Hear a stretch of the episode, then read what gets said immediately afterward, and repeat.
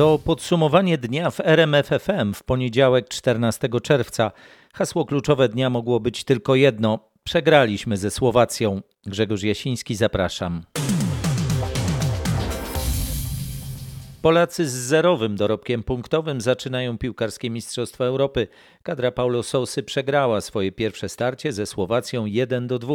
Pierwszy gol dla przeciwników to zasługa Roberta Maka, który ograł po lewej stronie Bartosza Bereszyńskiego, wszedł w pole karne, uderzył w słupek, a piłka odbiła się od pleców Wojciecha Szczęsnego i zaliczono to jako gol samobójczy. W pierwszej minucie drugiej połowy po dośrodkowaniu Macieja Rybusa wyrównał Karol Linety. Polacy mieli przewagę przez kilkanaście minut, ale w 62 minucie meczu drugą żółtą kartkę zobaczył Grzegorz Krychowiak i musiał opuścić boisko. Zwycięska bramka dla Słowacji padła po rzucie rożnym. Piłkę w polu karnym przyjął Milan Skrzyniar i mocnym strzałem, który ominął nogi obrońców, ustalił wynik meczu.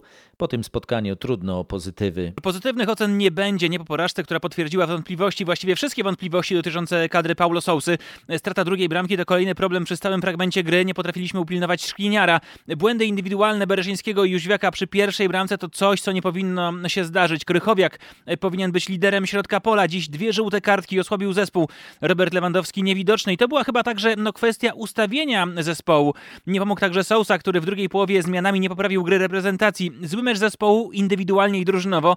Trudno znaleźć jakiekolwiek pozytywne elementy. Nawet pechowy samobój Szczęsnego wpisuje się w tę wyliczankę. Zatem brak pomysłu, błędy i brak szczęścia. Podsumowywał Patryk Serwański. Kibice, nie ma się co dziwić, są bardzo niezadowoleni.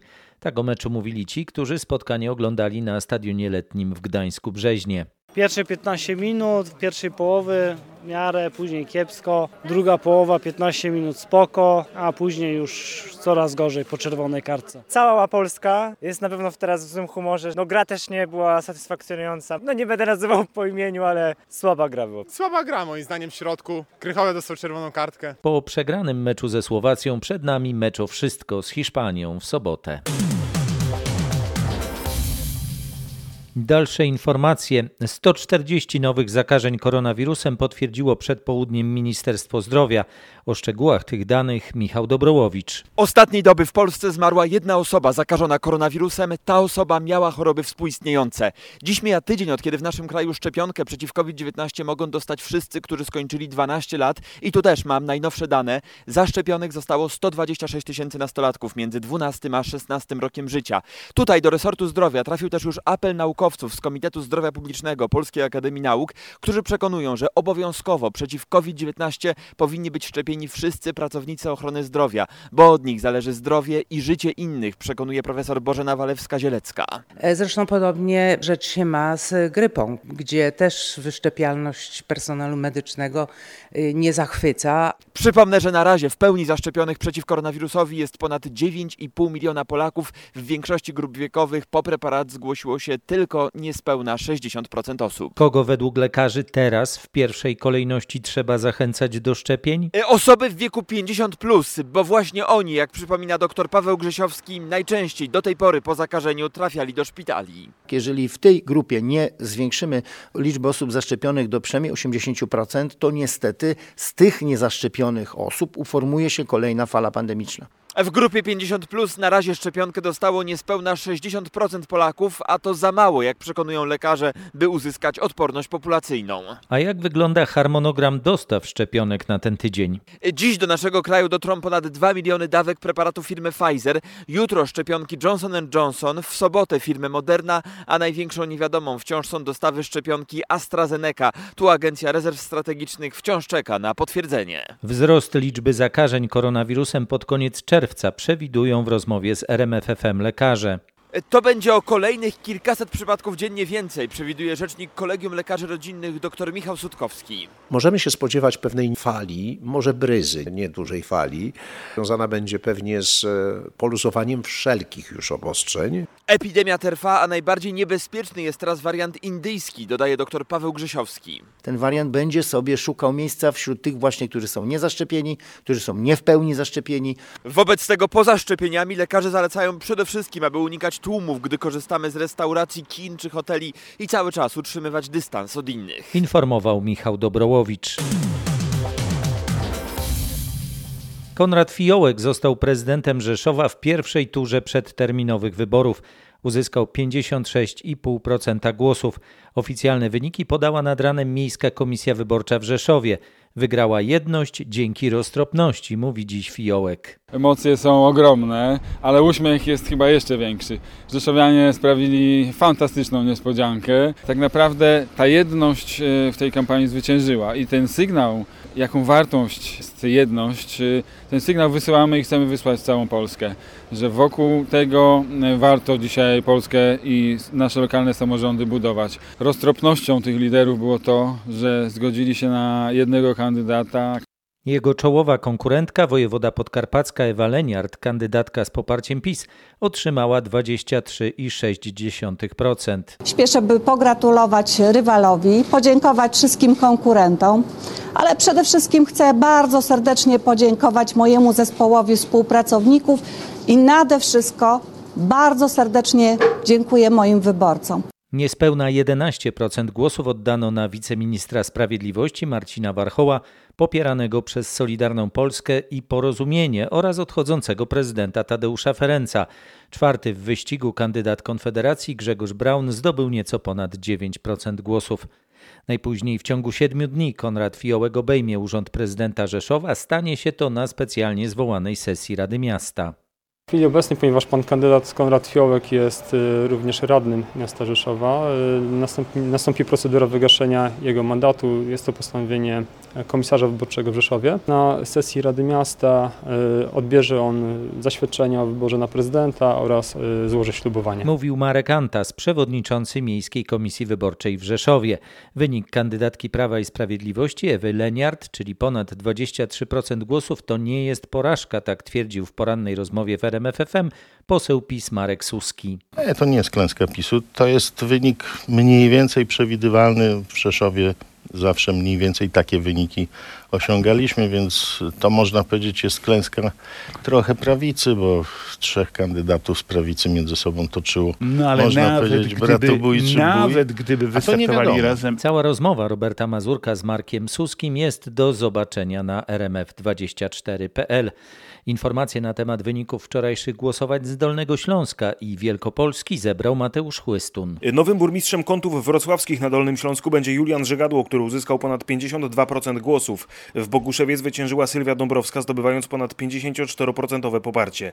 Druga tura będzie konieczna w Bogatyni, Lubaniu i w Malczycach. W wielkopolskim Dopiewienowym wójtem będzie Paweł Przepióra, który zdobył ponad 70% głosów wyborców.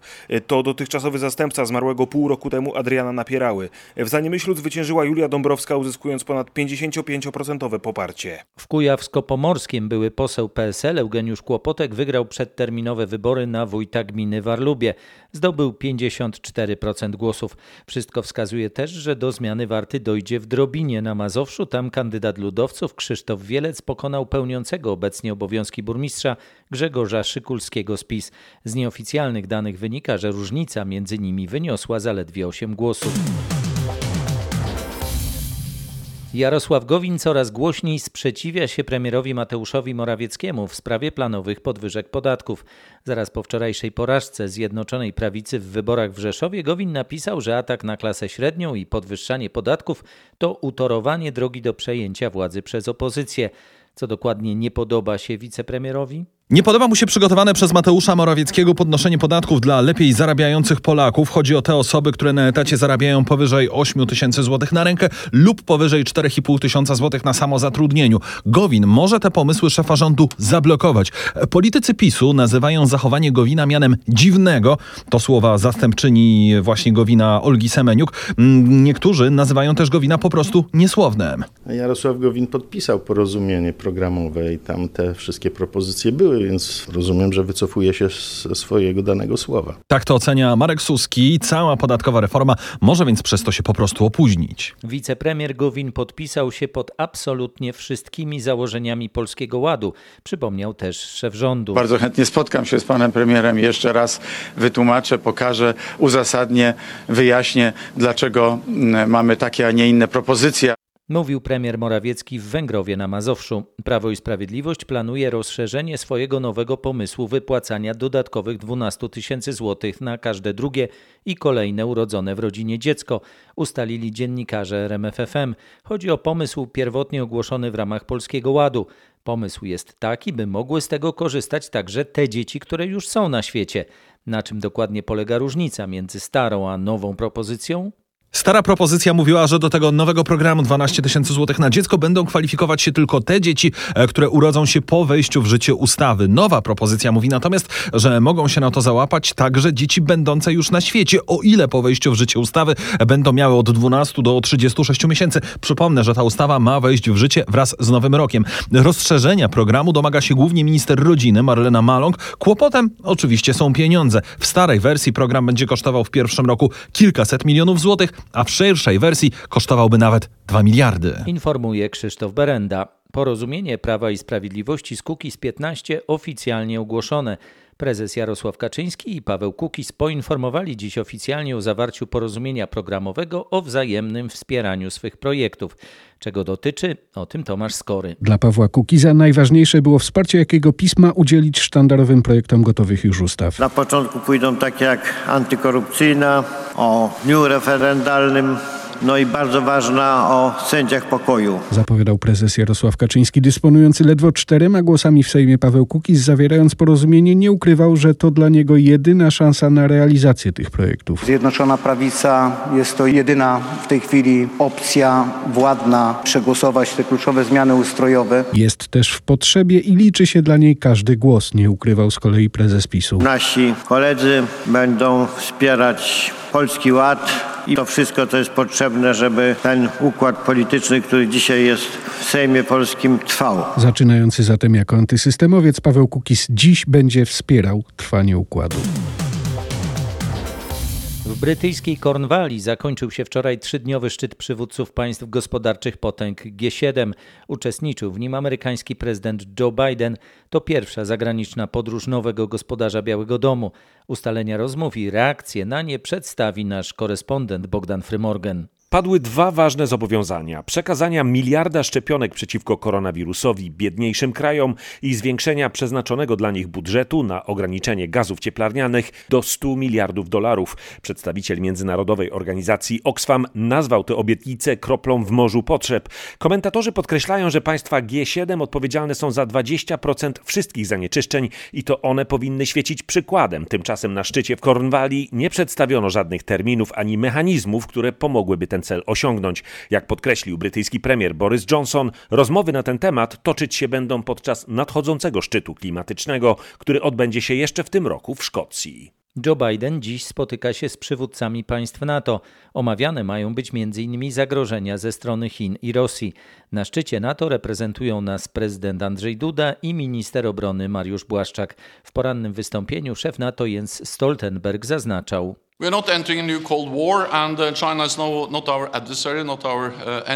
Że nie wchodzimy w okres nowej zimnej wojny, a Chiny nie są w tej chwili naszym wrogiem. Podczas szczytu NATO w Brukseli prezydent Andrzej Duda rozmawiał z prezydentem USA oraz z premierem Wielkiej Brytanii. Napisał na Twitterze szef prezydenckiego Biura Polityki Międzynarodowej Krzysztof Szczerski. Rozmowa z Joe Bidenem odbyła się na prośbę strony amerykańskiej, wyjaśnia polityk. Chodziło m.in. o sprawę bezpieczeństwa wschodniej flanki NATO i przyszłości wspólnych projektów polsko-amerykańskich w zakresie bezpieczeństwa militarnego i ekonomicznego. Wcześniej prezydent Duda rozmawiał też z premierem Wielkiej Brytanii Borisem Johnsonem i prezydentem Francji Emmanuelem Macronem. Z premier Danii Andrzej Duda rozmawiał o dokończeniu budowy gazociągu Baltic Pipe. Wcześniej o tej strategicznej inwestycji prezydent rozmawiał też z premier Norwegii. Białoruś oskarża polskie władze o złamanie umowy dotyczącej utrzymania w tajemnicy operacji uwolnienia trzech działaczek Związku Polaków na Białorusi. Przekonuje też, że zwolnienie Polek z aresztu to gest dobrej woli i odbyło się bez żadnych warunków. W Mińsku odbyła się konferencja dotycząca ostatnich wydarzeń na Białorusi, które poruszyły międzynarodową opinię publiczną.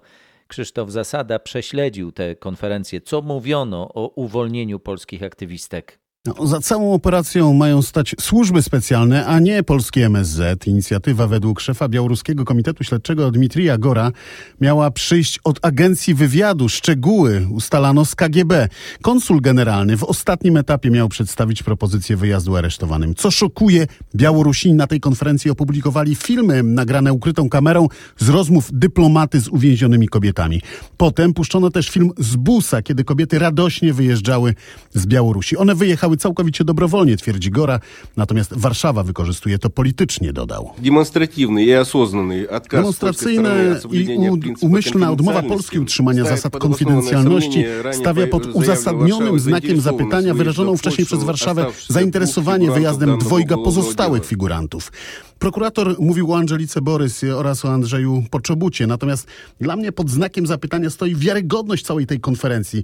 To było coś niespotykanego. W tej konferencji chwilę potem wziął udział zatrzymany spektakularnie w samolocie Ryanair opozycjonista Roman Protasiewicz i trudno w to uwierzyć, ale złożył swoisty hołd Aleksandrowi Łukaszence. Jak zachowywał się Protasiewicz? Był pełen energii, uśmiechnięty i nie tracił rezonu nawet wtedy, gdy mówił wiem za co muszę ponieść odpowiedzialność. Pierwsze zaskoczenie odniósł się do ran na swych nadgarstkach. To od opasek zaciskowych, które założyli mu w samolocie funkcjonariusze. Twierdził, że nie mieli kajdanek, bo sami byli zaskoczeni zatrzymaniem.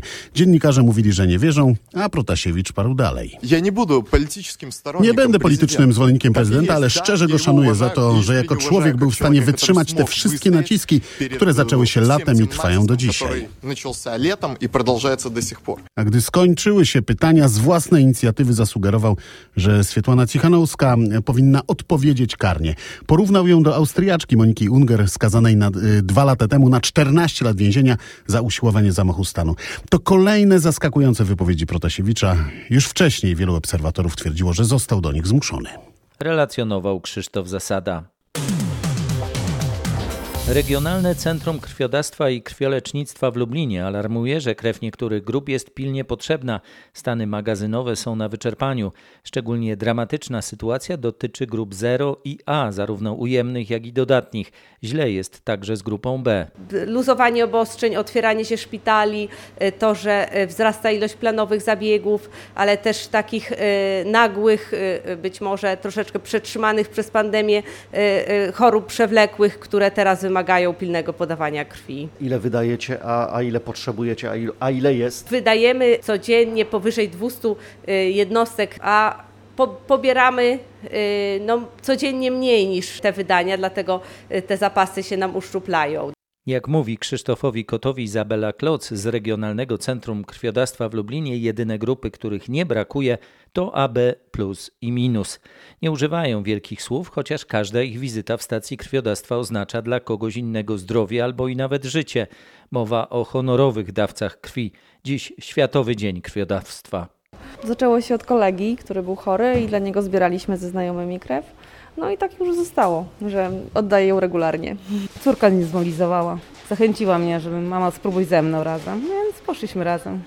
I od tamtej pory jakoś tak idzie, że co dwa miesiące staram się systematycznie oddawać. Czyli w Waszym przypadku więzy krwi nabrały zupełnie nowego wymiaru, tak?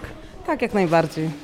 Jest to fajna rzecz, że można pomagać i, i e, przekazywać tą kropelkę życia innym. Najtrudniejszy moment? Kwestia ukłucia, grubszą igłą, no tylko to. I co, to tak już będzie na całe życie? O ile zdrowie pozwoli, to jak najbardziej. Czyli po prostu raz się oddało, to czego nie kolejny raz, to tak działa? W moim przypadku tak, zgadzam się z tym. Z oddającymi krew w Lubelskim Centrum Krwiodawstwa rozmawiał Krzysztof Kot. Limity obłożenia hoteli uderzają w branżę. Po miesiącach przestoju właściciele obiektów tracą także teraz. Jako niezadowalające przyjmują też zaproponowane przez rząd odmrożenie i zwiększenie z końcem czerwca limitu do 75% miejsc. Jak mówi doradca gospodarczy Katarzyna Michalska, mimo ograniczeń przedsiębiorcy ponoszą 100% kosztów. Czyli 100% ZUS-ów, co 100% podatków, muszą przecież płacić za media.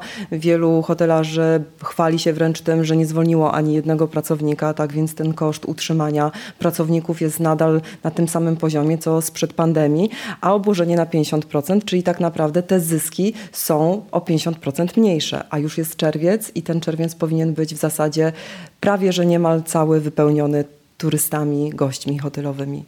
Od 26 czerwca hotele będą mogły zapełnić 75% miejsc, a do limitu nie będą się wliczać dzieci poniżej 12 roku życia i osoby zaszczepione. W Gdańsku podpisana została umowa na wykonanie tzw. Tak systemu Fala. Chodzi o zintegrowany system do poboru opłat za przewozy publicznym transportem na terenie całego województwa. Zbudować i wdrożyć ma go polsko-włoskie konsorcjum z udziałem Aseco Data Systems. Czym dokładnie będzie fala i kiedy skorzystają z niej pasażerowie? To ma być umownie mówiący wspólny bilet dla publicznego transportu niemal w całym województwie. Szybka kolej miejska w Trójmieście, pomorska kolej metropolitalna, przewozy regionalne plus miejscy i gminni przewoźnicy. W ciągu roku oddana ma zostać aplikacja, przez którą będzie można opłacić przejazd różnymi środkami transportu z poziomu telefonu. Kolejny rok potrwa montowanie specjalnych czytników do kart w pojazdach i na przystankach oraz peronach. Sukcesywnie mają pojawiać się w kolejnych miastach i gminach. Wart około 130 milionów złotych system zawierać ma także informacje o cenach biletów, rozkładach jazdy i trasach przejazdów autobusów autobusów, tramwajów, trolejbusów oraz pociągów. Informuje Kuba Kaługa. Do końca sierpnia w Śląskiem obowiązuje od teraz nowy wakacyjny rozkład jazdy pociągów. Niestety w tym okresie zaplanowane są remonty na najważniejszych liniach w regionie, a to oznacza zmiany i ograniczenia w kursowaniu pociągów. Gdzie będą ograniczenia? O tym Marcin Buczek. Remonty prowadzone będą aż na siedmiu trasach kolejowych w regionie. W okolicy Dąbrowy Górniczej pociągi będą jeździć tylko jednym torem. Podobnie będzie w Mysłowicach. Z kolei w Tychach w czerwcu i lipcu czasowo funkcjonować ma autobusowa komunikacja zastępcza. W lipcu i sierpniu natomiast między Milówką i Zwardoniem część pociągów będzie odwołanych, a zamiast nich pojadą tam autobusy. Pod koniec sierpnia przez kilka dni tak samo będzie na trasie Zwardoń-Węgierska Górka. Autobusy będą też wozić pasażerów między Skoczowem i Wisłą Głębce. Wreszcie pod koniec czerwca na odcinku Rydultowy-Sumina pociągi zaczną jeździć objazdami i tak będzie tam co najmniej przez cztery kolejne miesiące. Kilkanaście razy interweniowali w miniony weekend ratownicy Mazurskiego Ochotniczego Pogotowia Ratunkowego. Większość interwencji związana była z silnym wiatrem. Zgadza się, w porywach wiało nawet sześć w skali Boforta. Do niebezpiecznego zdarzenia doszło na jeziorze Kisajno, niedaleko Giżycka. Silny wiatr wywrócił tam jacht, którym płynęło pięć osób, rodzice i trójka dzieci. Łódź szybko zatonęła, na szczęście załogę z wody wyciągnęli inni żeglarze. Na jeziorze Niegocin kitesurfer zaplątał się w liny i nie był w stanie kontrolować latawca, który ciągnął go przez całe jezioro. W Pięknej Górze natomiast w jednym z jachtów wybuchła butla z gazem. Jedna osoba została ranna z poparzeniami ręki i barku trafiła do szpitala. Informował Piotr Bułakowski. Coraz więcej osób chce zdać egzamin na prawo jazdy. W wojewódzkich ośrodkach ruchu drogowego tworzą się prawdziwe kolejki. Po pierwsze wynika to też e, z obecnie trwającej pandemii, po drugie nastąpiła pewna kumulacja, ponieważ my dwa miesiące tamtego roku żeśmy nie pracowali, czyli te egzaminy zarówno motocyklowe, jak i na kategorie pozostałe się nie odbywały. E, stąd też e, na chwilę obecną no, uruchomiliśmy wszelkie moce przerobowe, ażeby te terminy oczekiwania na egzamin były jak najkrótsze. Tych egzaminów dziennie przeprowadzamy między 150 a 170. Zdawalność no, utrzymuje się jednak na, na stałym poziomie, jest to 30 parę procent za pierwszym razem. Mówi Cezary Tkaczyk z Wojewódzkiego Ośrodka Ruchu Drogowego w Szczecinie. W tym mieście na wyznaczenie terminu egzaminu praktycznego czeka się nawet ponad miesiąc, na sprawdzian z teorii dwa tygodnie. Wirtualna sala zbrodni na Uniwersytecie Wrocławskim. Studenci przenoszą się na nią podczas zajęć z kryminalistyki. To za sprawą specjalnych okularów. Faktycznie się patrzy na to jak na zbrodnię. Ma się tą ofiarę, powiedzmy tak, jakieś konkretne zdarzenie, szuka się różnych rzeczy jak przestrzały czy krew na ścianach, na suficie. Jest to dosyć ciekawe i naprawdę myślę, że dużo zostaje w głowie po takim wydarzeniu. Wiadomo, że ta wirtualna rzeczywistość nigdy nie odda tego, co jest naprawdę, bo i nie czujemy tutaj zapachów, nie mamy tej adrenaliny i tego stresu, który y, zawsze ekipa oględzinowa przeżywa, ale jest to pewna namiastka, o którą trudno właśnie w trakcie takich zwykłych zajęć mówiły jedna ze studentek i dr Iwona Zieniewicz z Wydziału Prawa Uniwersytetu Wrocławskiego. Drugie życie dostaną stare i niepotrzebne już meble, które trafią do krakowskiego miejskiego przedsiębiorstwa oczyszczania. Otwarto tam meblarnię, czyli punkt przyjęć mebli, które zostaną odnowione, mówi Piotr Odorczuk z MPO. To jest kontener, który jest szeroko otwarty, można do niego wejść i zostawić w zasadzie dowolnej wielkości mebel. To jest taki sposób, który umożliwia drugie życie tego przedmiotu. Taki mebel później trafia do naszej stolarni. Będziemy w stanie przygotować aukcję internetową, na której każdy będzie mógł w zasadzie taki mebel kupić. Wiadomo, że ceny nie będą specjalnie wysokie. Wszystkie pieniądze, które uzyskamy w ten sposób będą przeznaczone wyłącznie na system gospodarki odpadami, na edukację ekologiczną. Punkt znajduje się w krakowskiej lamusowni przy ulicy Nowochódzkiej. To niezwykłe uczucie być tu na festiwalu i to tak niezwykłym festiwalu, mówią uczestnicy 16. edycji festiwalu Zaczarowanej Piosenki.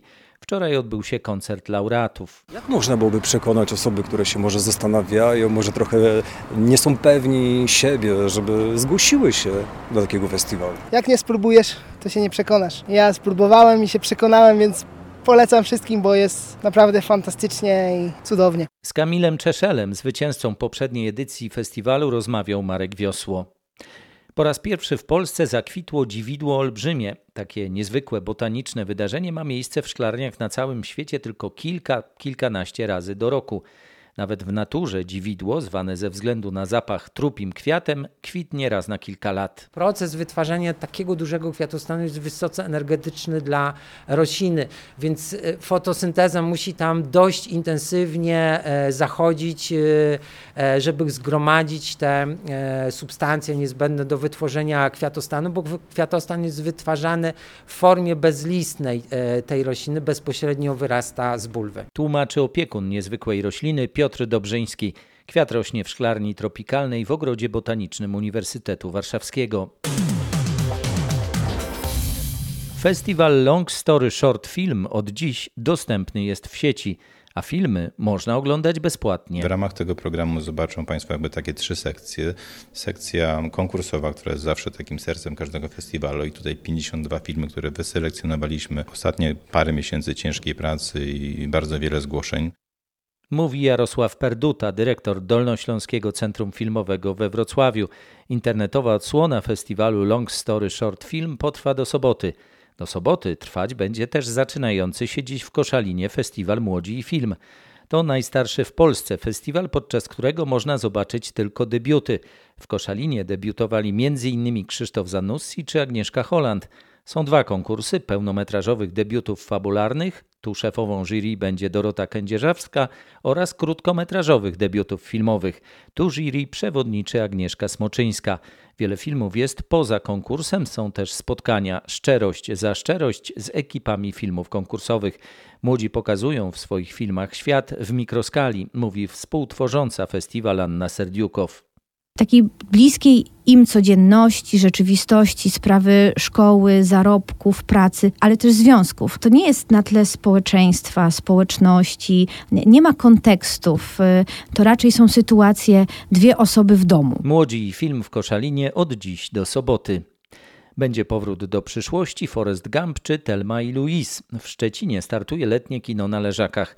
Co czwartek aż do września po zmroku będzie można w plenerze oglądać filmy, zapowiada Celina Wołosz z żeglugi szczecińskiej. W tym e, sezonie takim motywem przewodnim naszego kina na Leżakach będzie podróż, więc będziemy raz, że podróżować po mieście z różnymi lokalizacjami, dwa, że będziemy po prostu podróżować razem z naszymi filmowymi bohaterami. Co czwartek do 9 września włącznie jesteśmy między innymi na Wyspie Grodzkiej, na deptaku Bogusława, w Alei Wojska Polskiego, czy też e, na budowie w fabryce wody oraz na świeżej murawie naszego nowego stadionu Pogoni, więc y, będzie ciekawie. Oprócz tego, że właśnie ciekawe filmy, to jeszcze ciekawe miejsca. Organizatorzy zapewniają 100 leżaków.